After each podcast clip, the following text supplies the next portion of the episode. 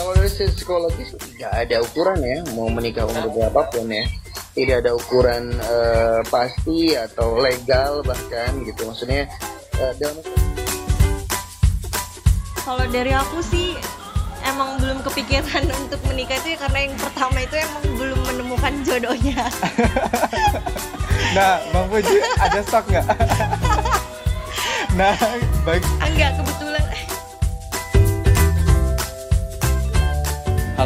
Selamat datang di Brostock. Nah, kembali lagi dengan saya Faras. Nah, kali ini kita kedatangan influencer kece lagi dari Indonesia. Nah, di episode 2 minggu yang lalu kita kan sudah membahas tentang Lombok eh, nih. Nah, jadi kita kedatangan psikol- seorang psikolog lagi, Mas Puji datang lagi. Nah, satu lagi itu adalah seorang beauty influencer dari Indonesia. Nah, episode kali ini kan kita akan ngobrol masalah pekerjaan sama nikah. Jadi untuk ladies gitu kan, untuk para perempuan yang ada di Indonesia dan para perempuan Indonesia yang sedang ada di Korea gitu kan atau yang mendengarkan ini, mana dulu nih harus diprioritaskan?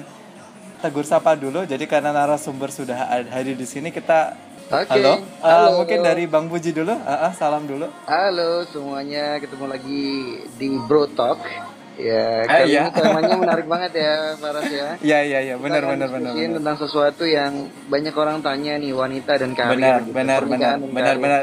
mana yang Benar, dipilih benar, benar. salam kenal semuanya buat semuanya saya Bang Puji profesinya clinical psychologist Nah, jadi satu lagi nih ada selain Mas Puji, saya kedatangan juga nih kak seorang kak kakak senior ya yang yang sebenarnya udah lama kenal juga dan karena beliau ternyata juga lumayan berpengaruh di bidang beauty gitu kan, terutama beauty reviewer dan termasuk high, seorang high achiever woman juga ternyata. Nah ini udah ada di sebelah gue langsung nih. Sapa dulu deh. Halo semuanya, salam kenal. Eh, saya Olivia. Peka- eh, saya bekerja sebagai visual merchandiser di salah satu retail di Indonesia dan juga seorang beauty blogger. Asik, asik, asik. Beauty blogger lagi dong introduksinya. Um, beauty beauty blogger. Iya dong, introduksinya tambah lagi misalnya sekarang gimana status beauty-nya blogger ada berapa subscriber? Um, no. Enggak ya, enggak usah ya. Nggak usah, nggak usah bahas yang kayak gitu. Kenapa? lah. Kenapa? Nggak apa-apa. Ya ya ya ya oke oke. Jadi kita sudah kedatangan narasumber dua orang, jadi satunya tuh Kak Olive, satunya lagi itu Bang Puji nih. Ya. Nah kita perkenalan dulu ya. Mungkin dari Kak Olive dulu karena Bang Puji kan ke- jadi di dua minggu lalu sudah perkenalan. Kita perkenalan dulu, mungkin Kak Olive cerita edukasi, terus sekarang uh, backgroundnya di mana, proyek yang sedang dikerjakan apa.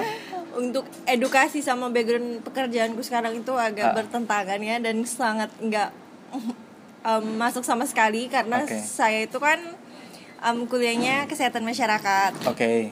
tapi pekerjaannya sekarang di dunia fashion Nah, itu di bagian em, pendisplayan istilahnya visual merchandiser uh, di mana nih kak? Em, jadi emang yang in charge di display baik yang di indoor maupun di windownya s- si store ini yang ak- Hmm. terus juga sometimes I do blogging about beauty Mm, mm, mm. Berarti sekarang apa namanya main uh, main karirnya sebagai VM, Ya. tapi side projectnya juga sebagai seorang blogger, Blogger. ya. Oke oke. Ada project yang sedang dikerjakan sekarang? project ada sih beberapa em, tapi itu belum bisa dibilang belum bisa dikasih tahu sama beberapa brand Mm, mm, mm. Jadi apa karena kontrak juga ya? Em, lebih jadi kayak pembicara sih nanti Ah, Oke oke oke oke oke. kita mau bikin kelas gitu Ah, ah, tapi nanti Oke oke. Oke oke oke.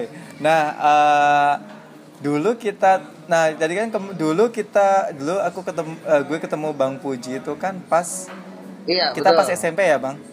Faras masih SMP Ah, ah, pas tuh. SMP kan ah, saya ketemu dengan Bang Puji ya, ah, benar benar. Nah kali ini saya tuh ketemu Kak Olive tuh sebenarnya nggak sengaja sebenarnya.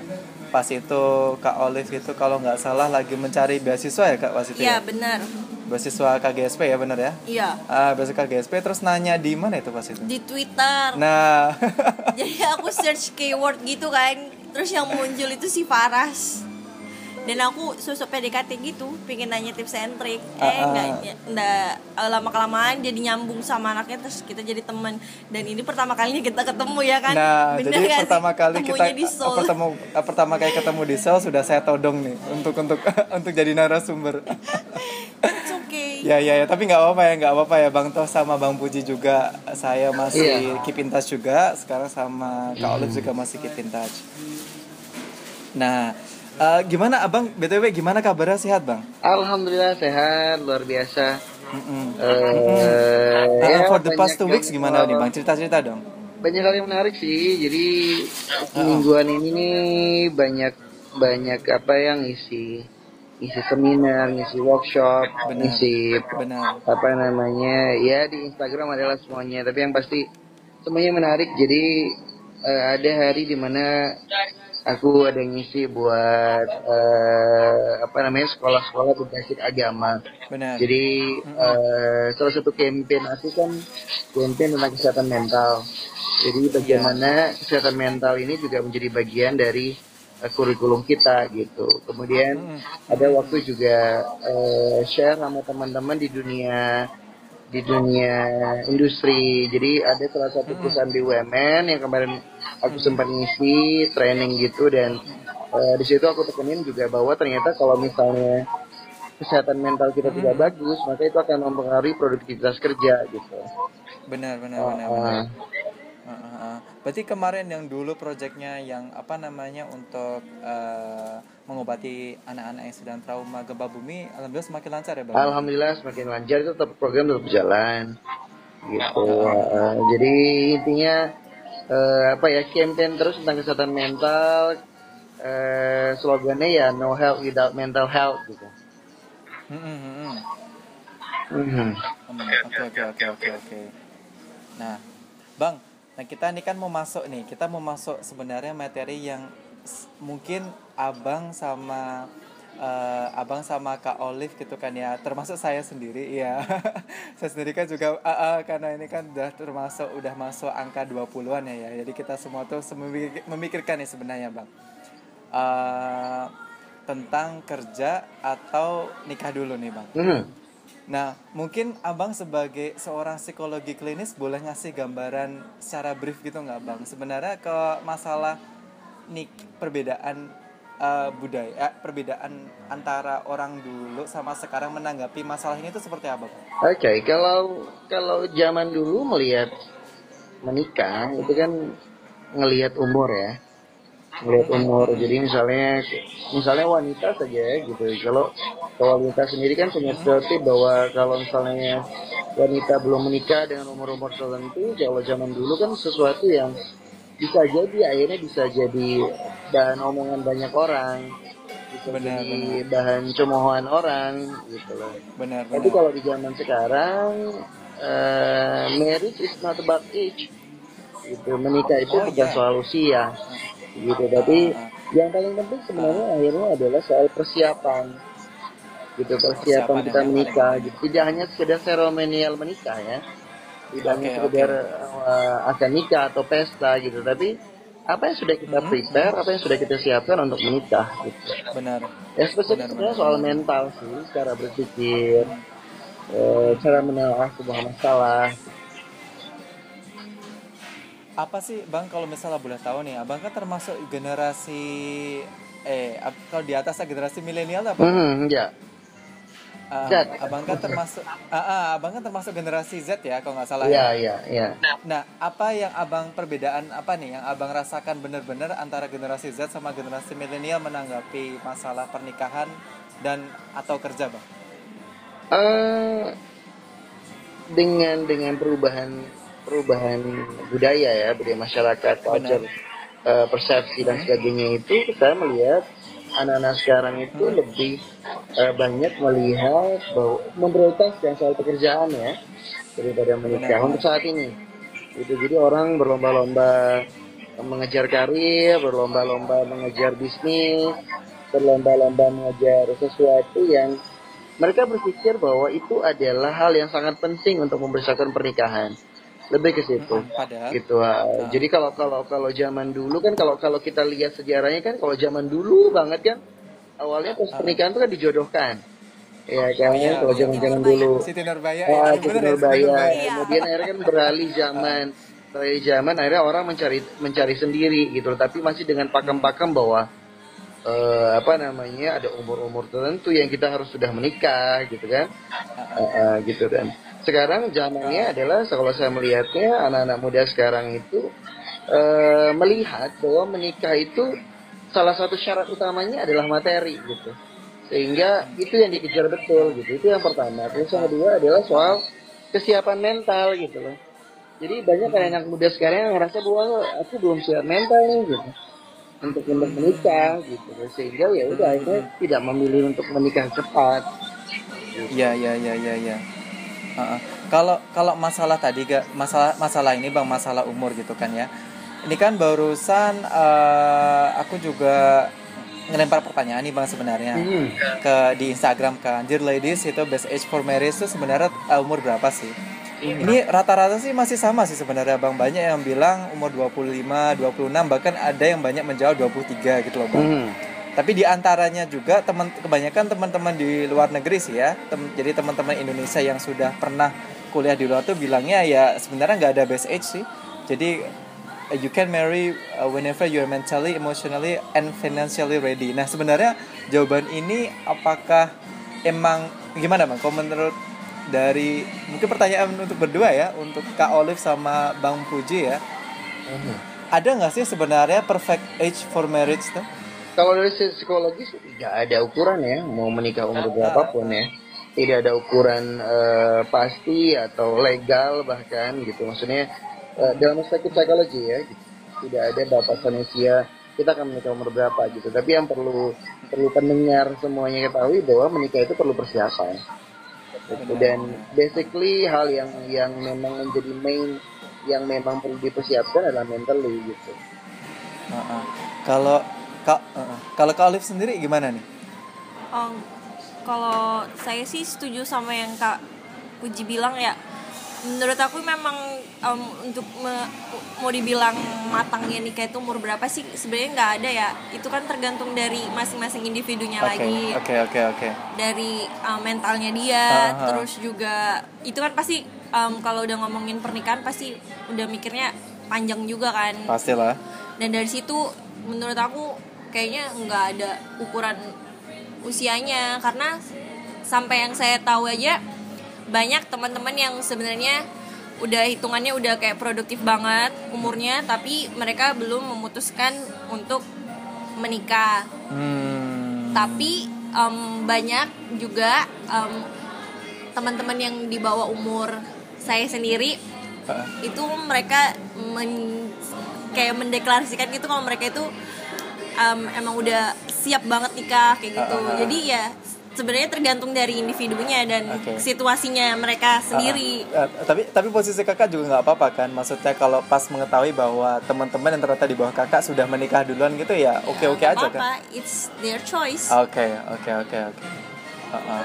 nah oke kita mau masuk nih bang. Ah, aku ada beberapa pertanyaan ini bang untuk abang dan kak Olive nih nah pertanyaannya akan ada ada lima pertanyaan bang dan ini pertanyaannya akan aku start dari yang ringan dulu kemudian nanti masuk ke yang berat udah siap bang Siap. Oke oke. Nah eh, dulu kalau nggak salah abang itu kan menikah umur 30. eh tik- oke 30 ya bang. Nah berarti kan eh, sebelumnya abang secara nggak langsung memilih untuk bekerja lebih dulu kan ya. Hmm. Ah, ah, nah itu boleh tahu nggak kenapa abang memilih bekerja dulu daripada eh, menikah dulu bang pas itu? Oke. Sebenarnya pikiran tentang menikah itu abang udah punya sejak SMP. Mhm. gitu. Eh, Sejak- udah dari SMP? Iya, sudah jadi dari SMP. Aduh, Tapi dari SMP itu aku udah bilang ke diriku bahwa aku akan menikah itu dengan dengan usaha sendiri gitu. Dan tidak harus merepotkan kedua orang tua gitu. Karena kan frame kalau kita di Indonesia itu kan sering kali kan fenomena menikah itu akhirnya membuat repot banyak orang gitu apalagi soal biaya gitu. Dan eh, dengan salah satu alasan itu yang sejak SMP abang udah pikirin gitu. Akhirnya ya sudah akhirnya abang merasa bahwa di usia itu abang sudah merasa cukup dan ya udah diputuskan untuk menikah gitu. Hmm, hmm. gitu. Ya tapi eh, apa ya dari pengalaman pribadi menikah itu perlu dibuat karena keputusan pribadi bukan karena desakan usia desakan orang tua atau desakan orang lain. Karena kan kita yang jalanin. Gitu. Tapi yang pasti kita ngelihat anak-anak sekarang dia lebih lebih concern ke diri mereka sendiri ya gitu. Maksudnya kalau zaman dulu mungkin dilihat bahwa eh, kalau misalnya ada orang yang menikah kita ngerasanya gimana gitu kan gitu. Ya, benar. bla bla akhirnya jadi ah, kok kok doi ah, ah, ah, ah, kok kok gue belum Ah, gitu loh. Ah, Nah, ah, kalau zaman sekarang Ya, kita ya, ya. ngelihatnya orang-orang sudah sudah eh, mampu ber- berpikir lebih realistis ya gitu. Artinya menikah itu adalah responsibility pribadi gitu. Dan menikah itu adalah pilihan gitu dan Bang, bang Ah. mau ah, mau ah, mau tanya nih bang, cuma out of curiosity nih. Kalau abang tahu nggak demografi kayak ah, orang yang memilih menikah dulu di, kalau misalnya di daerah abang itu seperti apa bang?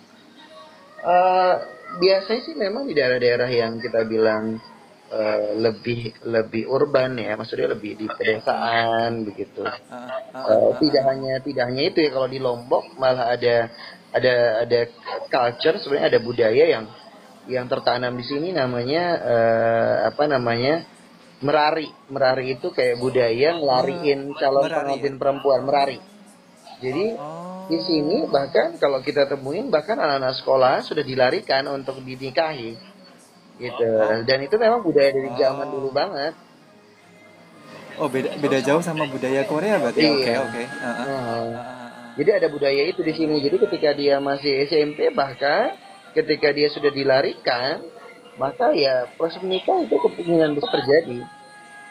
Oke oke oke. Nah, dulu dulu abang kok nggak salah kepikiran menikah pada saat SMP jangan-jangan pernah nggak tahu ya bang pernah ikut merari. Eh, enggak, enggak, enggak itu. Enggak. Tapi lebih kepada mikirin eh, apa ya? Lebih kepada mikirin bahwa aku tuh ntar kalau misalnya nikah, aku tuh pengen oh, aku handle sendiri untuk biaya macam-macam gitu. Benar. gitu. benar, Jadi benar. ya finally oke. akhirnya alhamdulillah bisa terwujud. Hmm, hmm. Hmm. Ya ya ya. Kalau Kak Olive sendiri gimana nih? Kan sekarang kan memilih untuk bekerja kan ya? Yes. Ah, ah, memilih untuk bekerja nih. Padahal secara kalau secara umur ya, secara umur kan juga katanya kebanyakan orang Indonesia bilang, oke, you are ready for marriage. Now what's your decisions actually what makes you Milih kerja dulu. ah, ah, kan. choose to okay, I want to work first. Kalau dari aku sih emang belum kepikiran untuk menikah itu ya karena yang pertama itu emang belum menemukan jodohnya. Nah, Bang Puji ada stok nggak? nah, Banyak main kelompok ini. Oke. oh iya kakak. Oke, oke. Em, iya emang emang karena yang pertama kan emang belum ada jodohnya terus juga emang aku kayak nggak fokus belum fokus aja untuk building a relationship relationship Ah, ah. yang more serius tapi kalau misalnya untuk masalah yang ken- aku pilih kerja duluan daripada menikah itu ya karena emang sekarang aku kondisinya itu emang dapat kerja duluan daripada menikah. Tapi emang aku tuh tipe orang yang menurut aku itu kayak em, mungkin beberapa wanita termasuk teman-teman aku itu merasa kayak nikah itu emang lebih baik em, di saat eh, kayak masih sekitaran umur 22 25-an kayak Ya, ya, gitu. ya, dan even sekarang umur aku kan udah sekitar dua eh udah 25-an. Dan itu itu em, sering banget kan pasti dapat pertanyaan em, kalau misalnya ada lagi ngumpul sama keluarga atau nggak datang ke pernikahannya temen atau uh, keluarga pasti ditanyain kapan nyusul? kayak gitu-gitu. Dan itu kan berarti emang mindsetnya um, orang Indonesia itu kan nih usia aku itu emang udah seharusnya sepantasnya untuk membangun rumah tangga. Cuma ya itu kembali lagi dari aku sendiri. Kalau untuk memilih kerja atau nikah ya nggak nggak bukannya aku termasuk memilih kerja gitu. Cuma emang pas lagi ada kondisinya dari awal itu aku emang lebih fokus bekerja. Jadi kayak karena udah fokus di kerja dan juga tadi belum menemukan Jodoh. uh, the right Ah, one ah, ah, the right one. Oke. in the right time Ah, ah, ah, ah. ya jadi ya udah jalanin aja kalau dari Oke. aku gitu Oke oke oke menarik menarik banget nih apa namanya jawaban dari kedua narasumber kita ya. Mhm. Nah ini ada pertanyaan lagi bang yang yang yang nggak lebih dalam nih. kalau boleh tahu bang, jadi kan uh, sebenarnya pada saat kita menikah itu ada ada beberapa standar atau ideals gitu kan ya bang. Hmm. Why we choose her or him as our partner gitu bang. Nah, aku lempar beberapa pertanyaan juga nih bang ke ke ke, ke Instagram dan beberapa ideal yang aku sebut di sini adalah ada looks, ada rupa, religion, agama, family, uh, uh, keluarga kan, financial, career sama intelligence. Sama satu lagi adalah personality gitu kan, Bang. Nah, banyak di antara teman-teman di sini yang yang yang otomat yang yang kan aku minta nyebutin tiga poin utama yang mereka prioritaskan kan. Kebanyakan mereka milihnya religion first dan career first. Nah, yang ketiga ini menarik sih bang. Ketiga ini jadi uh, either either personality atau malah looks bang. Hmm. Nah, jadi kan berarti ada ada kalau kalau misalnya religion gitu otomatis di, di di Indonesia sendiri itu karena memang masalah agama kan ya kita, Hmm. kita sudah dididik gitu kan ya dididik bahwa agama adalah yang paling utama gitu. Tapi ada juga jawaban yang menarik bahwa teman-teman eh, ada yang teman bilang sebenarnya eh, poin ini juga bisa dikembangin lagi sih Ras. Contohnya ada maturity, kedewasaan, responsibility, eh, tanggung jawab dan vision juga visi visi dia tuh gimana sih? kayak gitu bang. Nah kalau menurut abang sendiri sebenarnya untuk mencapai di titik oke nih aku akan nikah. Mungkin dua lagi ya pertanyaan ke kak Olive sama bang Buji lagi. Kak Olive dulu deh. Kalau kak Olive tadi di antara standar buat nikah tadi milih yang mana? Apa yang diprioritaskan? Agama. Oke agama. Intelijen intelligence dan karir. Dan karir. Berarti oke agama intelligence dan karir. Berarti nggak masalah kalau misalnya con Looks. ah, ah, ah, jodohnya kak kak Olive misalnya secara finansial tuh lebih ah, lebih rendah nih dari kak Olive nih. Nggak masalah juga ya? Doesn't matter juga ya? Looks juga nggak nggak doesn't matter juga ya? Enggak yang penting Ah, tiap hari aja. tiap tiap hari bangun tiap hari ngeliat dia loh. Iya nggak apa-apa. Nggak apa-apa ya? Kalau misalnya aku udah sayang. Ais. Ya ya ya ya nggak ya. aku ah. lebih milih based on karakter sih Ah, karakter seperti apa kak yang lebih mature Ah, ah. terus ya dibilang bukan bukan pemilih juga jadi kalau misalnya deket selama ini deket sama cowok itu ya kalau misalnya aku ngerasa cocok banget Iya. itu maksudnya itu dia kayak enak diajakin untuk berdiskusi Mm-mm. dan apa ya yang enggak terlalu overprotective kayak gitu gitulah Oh jadi jadi kakak ya tuh, jadi ah, maunya tuh emang yang lebih dewasa ah, ah, karena kan kalau misalnya lebih dewasa mereka eh, harusnya kan mereka bisa tahu nih em, antara hubungan sama privasi kayak iya, gitu ah, ah. jadi pokoknya dikasih space gitu ya untuk Yes. move gitu ya. Nah abang nih bang sebagai yang sudah menikah ya. Hmm. Nah boleh nggak nih bang kasih mungkin masukan nih ke kita nih. Iya. Oke, eh, Ah, ah, jadi ah. gini, biasanya kan eh basically orang-orang yang belum menikah kemudian akan menggunakan indikator-indikator itu kan, ya mau itu benar. agama, kedewasaan, kemudian tampang, bisa juga jadi Oke. pendidikan, intelijensi dan sebagainya. Oke. Tapi kita perlu ingat Ah. bahwa semua itu adalah penilaian kita yang kita standarkan di orang lain. Dan ternyata setelah menjalani itu semua itu buat buat buat aku pribadi ya gitu. Maksudnya akhirnya saya mencoba untuk untuk menarik eh, benang merahnya bahwa kita tidak harus kita memang boleh punya standar itu.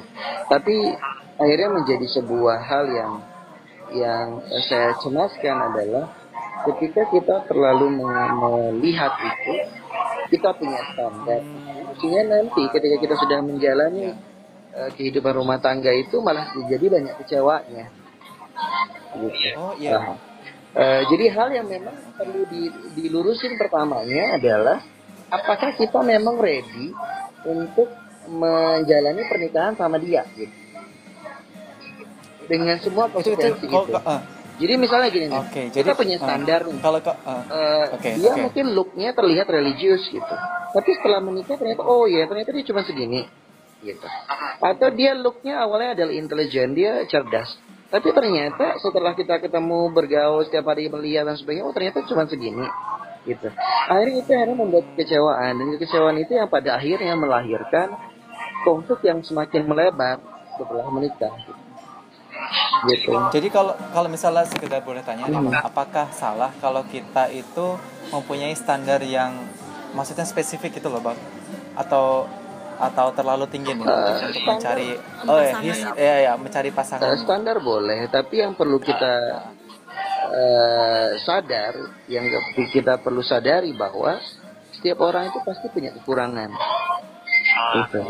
Setiap orang tuh punya kekurangan. Kita mau bilang dia pintar, nanti ada pasti bagian ketika kita sudah menikah itu pasti dia kita temukan kelemahan itu. Gitu. Makanya intinya sebenarnya adalah pertama adalah apakah kita memang ready men- menjalani pernikahan sama dia? Itu pertama. Yang kedua prinsipnya adalah kita sama-sama perlu belajar gitu bahwa kita dua-dua kita ini punya kekurangan terus yang ketiga hal yang memang perlu perlu eh, apa namanya disadari eh, di di apa dalam pernikahan buat teman-teman yang belum menikah adalah tidak cukup sampai di titik bahwa banyak orang bilang bahwa kita harus menerima kekurangan pasangan masing-masing gitu Iya. tapi buat saya pribadi saat ini setelah saya menjalani pernikahan adalah kita perlu sama, berdua ini sama-sama belajar lebih baik. Tidak berhenti di titik menerima Belajar. kenyataan atau menerima kekurangan masing-masing. Oke, oke. Tapi dua-dua orang ini harus improvement. Gitu loh. Hmm, jadi sama-sama progresif, Memperbaiki gitu memperbaiki ya, Pak, gitu ya, Bang. Nah, dan salah satu hal yang yang caranya untuk me- me- punya bagian itu eh, Faras dan Olive adalah dengan cara membuat visi misi berdua. Oh, itu langsung ditulis berdua gitu ya, saling terbuka gitu ya kayak Iya. Gitu selama ini kan Jadi jadi begitu jadi begitu PDKT gitu kan visi misi Mas apa iya. itu perlu disamain. Oke, oke. itu perlu disamain. Kita mau ke bawah ke mana sih pernikahan ini gitu? Itu perlu disamain. Karena kalau enggak nanti kan di kita akhirnya berjalan dengan persepsi kita masing-masing kan? Hmm, bener sih, bener sih. pertama memang eh, kita perlu yakinkan diri kita apakah kita memang ready menjalani itu bersama dia itu kan terus yang kedua kita perlu menyadari bahwa setiap orang itu punya plus minusnya masing-masing yang ketiga adalah Iya. tidak berhenti sampai kekurangan itu kita tidak menerima kekurangannya tapi kita sama-sama improvement karena kita sama-sama punya kekurangan dan yang keempat adalah Hmm. tetapkan visi misi berdua mau dibawa ke mana pernikahan itu dan baiknya itu bagusnya memang dilakukan sebelum menikah ya Heeh. Kalau heeh. Iya baiknya itu dilakukan sebelum menikah Faras dan Ali. Kalau misalnya Bang, kalau misalnya eh, saya mau tanya nih Bang. Satu advice saja, satu kunci biar eh, misalnya kita sedang menjalani gitu, menjalani relationship sama orang ya Bang. Satu kunci aja biar this relationship last long. Itu apa sih Bang sebenarnya? Eh, mungkin buat orang klise ya Faras dan Olive Eh, banyak orang bilang komunikasi tapi itu memang faktor yang sangat penting komunikasi itu Komunikasi ya, misalnya gini, ya kita laki-laki nih kita kan cenderung eh, apa namanya eh, komunikasinya tidak terlalu banyak kan? Benar, benar. sementara kan perempuan komunikasinya banyak dan aktif gitu. Iya. dan sering kali Iya, kan persepsi kita masing-masing akhirnya berpikir bahwa dia kan seharusnya udah ngerti aku gitu. Dia kan, kan udah Oh, begini padahal ya nggak kan bisa ya, Bang, kalau nggak komunikasi, kalau ya. misalnya kita tidak mengkomunikasikan itu ya susah juga ya Gitu. maksudnya apa yang memang sangat penting untuk komunikasikan ya kita belajar saya pun masih belajar sampai sekarang untuk untuk mengkomunikasikan berbagai macam hal ke pasangan Oke oke oke Bang. Ah oke oke. Nah Bang, ini apa nah kita aku masuk lagi ya ke pertanyaan berikutnya ya Bang. hmm. Jadi ini sebenarnya mau cerita juga Bang. Di Korea itu yang terjadi tuh tadi kan Abang sudah bilang bahwa kita tuh harus komunikasi juga dan apa namanya the best age for marriage itu sebenarnya pas when you are ready gitu. Hmm. When you are ready kan Bang. Nah jadi gini Bang. Per- eh, nanti pertanyaan itu bakal ngelit ke apakah abang setuju dengan orang yang memutuskan untuk bukan bukan setuju atau enggak ya bagaimana pandangan abang dengan orang yang memutuskan oh oke I'm not gonna marriage gitu bang nah karena gini yang terjadi di Korea di Korea sendiri itu kan termasuk negara maju Hmm. yang membuat penduduknya tuh berpikir bahwa marriage itu adalah sesuatu yang masih nanti-nanti nih bang. Jadi contohnya untuk untuk untuk cewek di sini tuh marriage tuh baru terpikir di umur 28 29. sedangkan cowok sendiri itu terpikir di umur ya 30 ke atas lah bang 31 32 33 jadi kondisinya kalau misalnya dalam nutshell gitu uh, ya yang namanya marriage tuh ya nggak ada model we gonna start this from zero. Kita akan berjuang ini dari nol ya. Gitu nggak ada bang. Jadi pokoknya kondisinya kamu punya apa? Kamu ada mobil nggak? Gitu kalau misalnya ada mobil oke okay, aku ada rumah ya udah yuk yuk marriage gitu loh bang. Hmm. nah itu itu itu itu satu kondisi. Nah satu kondisi yang lain bahkan ada orang yang ya udahlah aku nggak usah marriage aja. Yang penting apa namanya bisa hidup sendiri dan aku bisa adopsi anak. Nah itu bagaimana pandangan? Nah ini kemudian lagi pandangan abang sama pandangan kak Olive Hmm. Uh, ya kalau kita lihat di situ kan memang akhirnya perbedaan budaya ya Farasia dan Olive ya. Maksudnya karena satu sisi uh, apa negara maju itu kan satu sisi kan akhirnya menjadi ukurannya kan material. Benar. Benar. Menjadi ukurannya adalah material dan satu sisi secara kejiwaan itu juga tidak bagus ketika seseorang akhirnya fokus ke situ akhirnya mengesampingkan ya. sisi-sisi emosional atau perasaan gitu.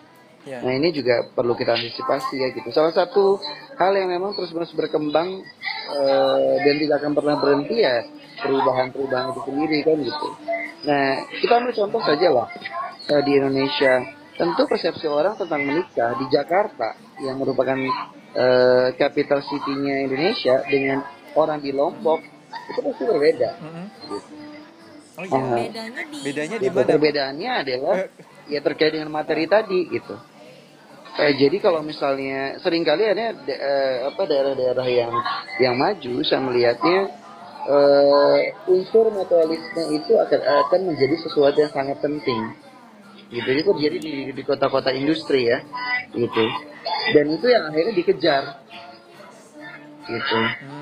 Itu yang akhirnya dikejar. Itu yang akhirnya menjadi prioritas gitu tapi tadi yang perlu kita pahami bahwa kita hidup kan tidak hanya soal itu. Tidak hanya soal materi itu gitu. Itu balas yang perlu kita ketahui. Iya iya. Iya iya. Ini aku ini aku diam nih udah man, udah manduk-manduk uh, setuju nih Bang saya. Iya. Oh, dari tadi tuh dari, banyak.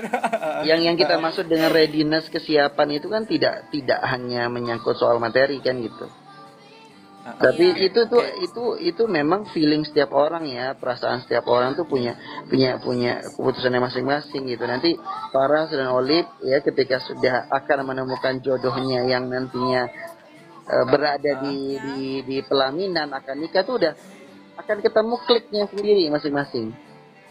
Gitu. Jadi walaupun nih misalnya kita udah misalnya udah ada relationship panjang gitu pacaran panjang tapi nggak jodoh ya ya. Ya bisa. Ya, ya bisa gitu. Tapi ada nanti beberapa bisa jadi satu orang yang mungkin kita baru ketemu kemarin sore tapi kita ngeklik gitu. Ya itu akhirnya jadi jadi jodoh kita gitu. Dan semuanya pertanyaannya adalah apakah kesempatan itu itu kita akan manfaatkan kesempatan yang dikasih Tuhan itu untuk maju atau justru tidak sama sekali. Benar. Uh, jadi untuk Kak Olive juga yang belum ketemu Eh ya. sama ya kita. Eh sorry gue udah ada ya. Oh. oh. Anyway. anyway ya. Uh, jadi apa namanya baik lagi ya bang. Kalau itu juga karena perbedaan budaya juga kan ya hmm. untuk masalah uh, masalah menikah itu bang. Nah gini bang, mau tanya nih bang masalah uh, kerja nih bang kalau kalau sekarang ya bang yang terjadi sama teman-teman aku cuma cuma ngobrol aja di masalah teman-teman. Yang terjadi di di di di Indonesia tuh adalah bahwa uh, kan teman-teman nih pada nge DM deh bang ceritanya aduh ras aku harus kerja dulu atau nikah dulu ya. Uh, kan nikah tuh juga dari keluarga tuh pengennya ya udah aku nikah dulu aja gitu kan tapi at the same time aku juga pengen kerja dulu nih sebenarnya possible nggak sih bang kerja sambil nikah atau nikah di saat kerja atau jadi kondisinya ini ngambil-ngambil momen di mana anak itu baru saja graduasi dari kuliah. Hmm. Iya, jadi kalau uh, soal soal itu ya, uh, maksudnya graduation terus menikah ya sebenarnya sah-sah saja, Taras dan Olive. Iya iya. sah-sah saja maksudnya ya setiap orang kan punya prioritasnya masing-masing radiusnya masing-masing jadi menikah itu sekali lagi bukan balapan bukan racing Benar. menikah itu juga bukan lomba lari gitu Jadi setiap orang akan menemukan jalan cintanya masing-masing. Gitu dan memang bukan masalah soal waktu ya gitu. Jadi asal berdua ready gitu aja Hmm. oke gitu ya bang. Hmm, hmm, hmm. Berarti kalau misalnya, nah gini bang, mau ini aku juga ada pertanyaan lain nih bang ya, aku kasih ke Instagram. Hmm. Nah kan sebenarnya kalau pernikahan sendiri itu yang terjadi tuh ada tiga kan bang sekarang. Kalau misalnya bisa aku uh, kelompokkan berdasarkan seberapa besarnya per- per- apa pesta pernikahan bang. Di Indonesia tuh jadi gini bang kemarin tuh aku habis ngelihat akun Joska bener ya kalau Joska. ya? Ah, Joska kan. Jadi ada banyak sebenarnya banyak banyak banyak salah satu banyak kasus yang menceritakan bahwa mereka ini mengadakan pesta pernikahan yang besar banget. Tapi pada akhirnya itu ngutang bang Hmm. nah itu ngutangnya tuh karena budaya sebenarnya. Jadi kayak karena itu once in a lifetime. Ya, yolo, yolo. ah, ah, once in a lifetime ya udahlah gue ngutang aja gitu. Ini kan kan cuma sekali seumur hidup. Ah, ah. jadi aku nanya nih which one you prefer most? Big wedding but having a debt intimate wedding. Nah itu biasanya dilakukan orang-orang yang jadi nikahnya tuh di luar gitu ya Khalid ya? Yes. uh, di luar tapi but only few people few people recognize. Atau sebenarnya yang ketiga nih bang. Ya udahlah yang penting kita sudah terdaftar di KUA terdaftar di kantor ya udahlah kita nikah gitu. Nggak salah kak itu kak Olive dulu ada kasus ya temennya kakak yang malah uh, uh, gimana coba boleh cerita nggak kasusnya itu gimana? Ada teman salah satu blogger aku di Jakarta itu dia emang mendeklarasikannya di um, sebagai influencer dia um, memang uh, termasuk yang mende- mendeklarasikan karena dia kan um, termasuk pacaran sama pacarnya itu udah lama banget 8 tahun. Lama juga ya 8 tahun ya? Ya, tapi dia emang um, mungkin kan usianya dia juga um, udah di atas aku kan, lebih matang dan uh, dia emang udah bilang kalau ya udah dia kalau bakalan akan menikah nanti ya cuma sampai di daftar di catatan sipil deh, nggak usah bikin acara kayak gitu-gitu karena menurut dia um, de- ya men- menikah yang dengan bikin acara itu bisa menjadi beban di kedua pihak. Jadi lebih baik mereka kalau yang aku baca ya di tulisannya dia di sto- eh, Instagram postnya dia itu lebih baik em, keuangannya itu dialokasikan saat mereka membangun sebuah rumah tangga itu kak. Tapi kalau misalnya aku mau mau kontra juga nih, misalnya kalau kalau masalah big wedding gitu kan ya, di Jawa sendiri itu ya otomatis kalau nikah ya otomatis harus ngundang banyak orang kan ya. Iya. It- it- that- that's a culture gitu loh. Dan pada akhirnya juga karena misalnya nih uh, orang tua juga nyuruh ya udah nggak apa-apa uh, mama ayah nikahin kamu nanti masalah biaya nggak usah khawatir deh gitu nanti pokoknya mama ayah cari padahal setelah di setelah nanti udah selesai pernikahan setelah ditelusuri eh ternyata ngutang gitu kan Iya. Dan itu yang banyak terjadi Ah, menurut aku ya. Dan Ah. karena aku aku juga ada bacain di Joska itu kan juga mereka itu kan termasuk keluarga yang berada tuh. Oke. Si anak itu. Tapi karena em, me- jadi kayak dua adat yang menjadi satu gitu kan. Jadi bikin acara wedding harus dua. Jadi satu di Jakarta dan satu di Surabaya. Dan itu pun pasangan itu baru tahu kalau orang tuanya dia itu utang sana sini untuk bikin acaranya dia yang termasuk mewah itu pas sudah selesai mereka honeymoon dan jatuhnya kan juga jadi ke beban pasangan juga kan. Benar benar, benar. karena sebenarnya um, orang tua itu mendukung supaya bikin big wedding itu ya cuma untuk um, membangun image-nya mereka juga. Hmm. kalau yang dari diceritainnya itu.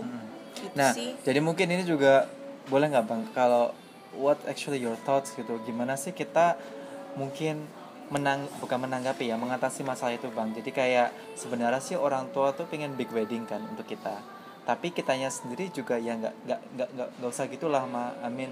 Aku tahu mama juga ngutang sana sini uh, dan ngumpulin dana sana sini untuk Iya. wedding aku. Eh, jadi satu challenge di Indonesia itu menikah itu kan bukan hanya pernikahan individu ya. Eh, berbeda dengan kita di E- Eropa atau Amerika. Gitu. Jadi kalau di Indonesia itu kita masih memegang konsep keluargaan. Keluargaan juga eh, konsep sosial kita sangat kuat Faras dan Olive. Ya. Dan faktor budaya itu juga kita tidak bisa pungkiri. Ya kita nggak akan pernah bisa pungkiri. Gitu. Jadi itu akhirnya memicu terjadinya pernikahan dengan konsep yang besar gitu. Terutama dari pihak orang tua ya gitu. Walaupun anak-anak inginnya sederhana aja gitu. Jadi itu hal yang memang menjadi challenge tersendiri ya di Indonesia untuk untuk untuk para pemuda-pemuda pemudi yang ingin menikah segera gitu. Iya, iya. Ini menjadi challenge tersendiri. Tapi eh, ketika memang ingin Iya, memilih ah, memilih yang eh, private gitu ya, yang yang memang orang-orang akrab dan sebagainya juga eh, tergantung pikiran orang tua saat ini. Gak ada orang tua orang tua yang nggak tahu juga pemikirannya maju ya gitu dan ya sah-sah saja sih gitu. Tapi memang akhirnya lebih beratnya ke orang tua ya. Karena kan orang tua itu kan kolega, teman, keluarga besar dan sebagainya kan kepengen mereka hadir semua di di kan anaknya. Nah, jadi kalau misalnya gitu gimana tuh, Bang? Misalnya nih, eh let's say ya, Bang, aku mau nikah nih, Bang. Misalnya, let's say, eh, let's say aku mau nikah nih, Bang. Tapi dana yang sebenarnya ada yang aku kumpulin cuma sekit cuma sekitar eh, 200 nih, Bang, gitu kan ya. Ya. Nah, setelah setelah diskusi sama orang tua macam-macam, ya udah nggak apa-apa, eh, kamu nikah aja, bla bla bla kayak gini gini gini konsepnya dirubah dan ternyata setelah nemu nemu angkanya ini Ya. 450 Bang. Berarti kan apa eh, namanya kalau misalnya 250 juta, Bang. Eh, kembali lagi ya ke komunikasi ya ke komunikasi kita anak dengan orang tua. Saya banyak melihat ada anak-anak bisa kok berkompromi dengan kedua orang tuanya. Gitu. Artinya gini komunikasi yang kita, perlu kita bangun selama ini dengan orang tua kan harus terjadi tidak hanya di saat kita menikah. Gitu. Eh, apa namanya Faras dan Olive. Jadi kalau biasanya sih keluarga-keluarga yang memang dari awal dari kecil komunikasinya lebih Ah. terbuka dengan orang tuanya dia akan sangat mampu berkompromi tapi ketika ada keluarga-keluarga yang orang tuanya sangat dominan dalam semua kebijakan yang ada di rumah Mm-mm. maka itu cenderung akhirnya agak susah komprominya Nah, berarti kan berarti masalah one way sama two ways communication gitu ya, Bang. Mm-mm. Nah, kalau nah, Iya, dan- pertanyaan lagi, Bang, muncul nih. Kalau berarti mengatasi keluarga yang yang modelnya tuh orang tuanya tuh yang cuma one way gitu seperti apa, Bang? Eh, sering kali gini konflik konflik terjadi itu karena sama-sama ngotot-ngototan Nah, uh, uh, uh. gitu. Sama-sama ngotot-ngototan sama sama-sama semuanya pakai pakai perasaan oke. gitu kita ngomong kalau udah emosi itu kan jarang pakai logika ya gitu Mm-mm. gitu jadi eh, kalau misalnya memang tidak bisa dikomunikasikan ya bisa jadi kita sebagai anak-anak ya buat inilah ya buat note buat catatan buat rincian dan buat analisis gitu. Mm-mm, mm-mm. dan itu diserahkan ke orang tua. Semua analisis itu. Maksudnya gini kita kan anak-anak anak-anak kalian anak-anak muda zaman sekarang kan seharusnya lebih lebih lebih analitik ya. Iya, iya. lebih kritis dan lebih detail dalam mengkonsep sesuatu gitu loh. Jadi itu ya udah kasih aja catatannya ke mereka gitu. Siapa tahu dengan membaca itu mereka bisa kompromi. Namun setelah setelah itu kita buat kemudian tidak ada kompromi ya. Sekali lagi kan di catatan itu kan kita udah punya eh, konsekuensi-konsekuensi yang bisa terjadi kan. Kalau misalnya tindakan A yang diambil begini konsekuensinya? Kalau tindakan B yang diambil gini konsekuensinya gitu. Jadi yang penting itu udah udah kita kasih ke ke mereka. Gitu. Selanjutnya urusan dia terima apa tidak ya kembali lagi ke ke orang tua pada akhirnya ya. Karena sekali lagi di Indonesia itu peran orang tua masih sangat sangat sangat sangat penting Iya, benar. dalam pernikahan berbeda dengan dengan di luar ya. Nah, kakak mungkin kalian mau nambahin nggak? tapi Ah. ya kayak kalau yang yang selama ini aku sering dengar curhatan dari teman-teman gue itu kan Oke. kadang emang ada anak gitu yang em, ya udah punya pikiran karena orang tuanya bersedia em, menanggung eh, pernikahan mereka jadi pasti mereka ya udah ambil beres gitu loh kak. Tapi kan ternyata nggak tahu di balik itu orang tuanya sus, em, susah nyari bantuan sana sini kayak gitu gitu loh kak. Jadi sebenarnya menurut aku kadang juga ada yang karena anaknya juga terlalu ignorance gitu nah yang penting terima beres dah. Dia ada orang tua yang bersedia em, kayak ngatur gitu loh. Jadi kayak ya udah aku terima asal jadi. Karena beberapa eh, teman-teman aku di balik papan itu kayak gitu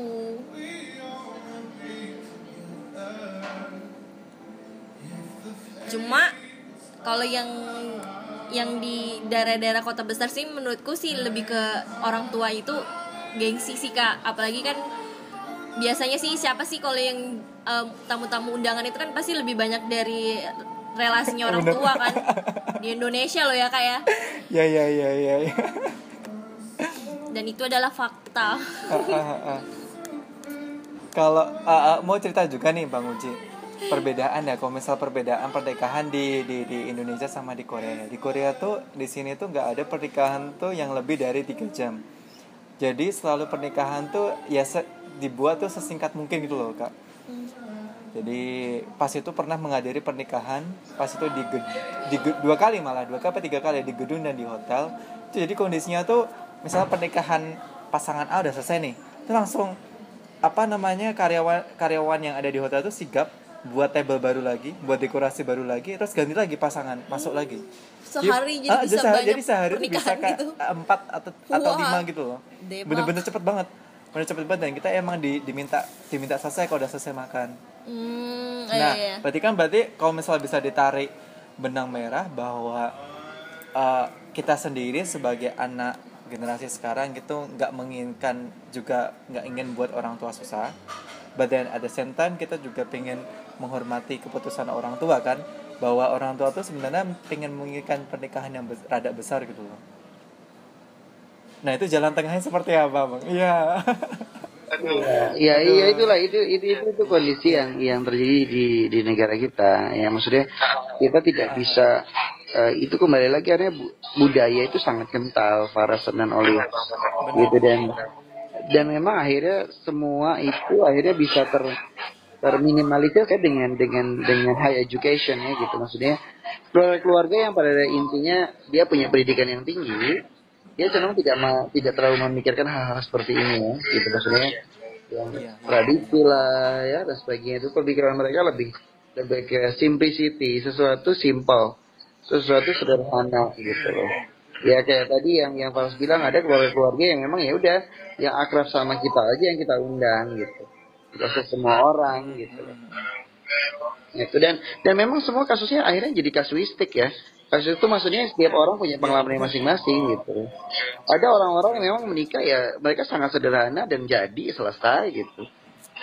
Gitu. Ada ada misalnya kayak kalau di Jawa kan prosesnya panjang tuh orang menikah ya Farasya gitu panjang banget ya. Udah upacara-upacaranya macam-macam kan gitu loh. Tapi ada juga yang memang tidak harus. sekarang ini ada yang bahkan dia orang Jawa tapi tidak pakai tradisi itu gitu. Gitu. Lah. sama kayak di Sasak juga begitu proses pernikahannya panjang. Tapi ada juga orang-orang yang udah eh, sesuai dengan keinginan masing-masing. Nah, ini apa namanya sebagai sebagai penutup aja bang gitu kan. Ini pertanyaan terakhir juga yang aku juga lontarkan gitu kan ke teman-teman. Kan aku nanya juga bang. Jadi kerja dulu atau nikah dulu? Ada sekitar 100 orang nih bang yang vote dan eh, 80-nya tuh memilih untuk kerja, 20-nya tuh sekarang memilih untuk menikah gitu bang. Nah, sebagai sebagai seorang yang sudah expert nih bang di bidang di bidang mungkin ya di bidang di bidang antara uh, decisif ya tuh lebih ke kerja atau nikah dulu mungkin coba dong bang kalau misalnya bisa dikasih one last oke. sentence gitu bang kerja dulu nikah dulu. Ah, ah. aku nggak milih dua-duanya. Yang aku pilih adalah matangkan diri dulu. Itu pilihannya. The only way untuk menikah adalah matangkan diri dulu. Aduh, luar biasa. gitu karena ah. eh, betul punya komitmen ya, yang kuat Aduh, aduh, bahwa aduh. Kita itu kamu siapa pun itu mau mengarungi bahtera rumah tangga sama si A si B si C gitu. Komitmen dulu deh matangkan diri dulu. setuju.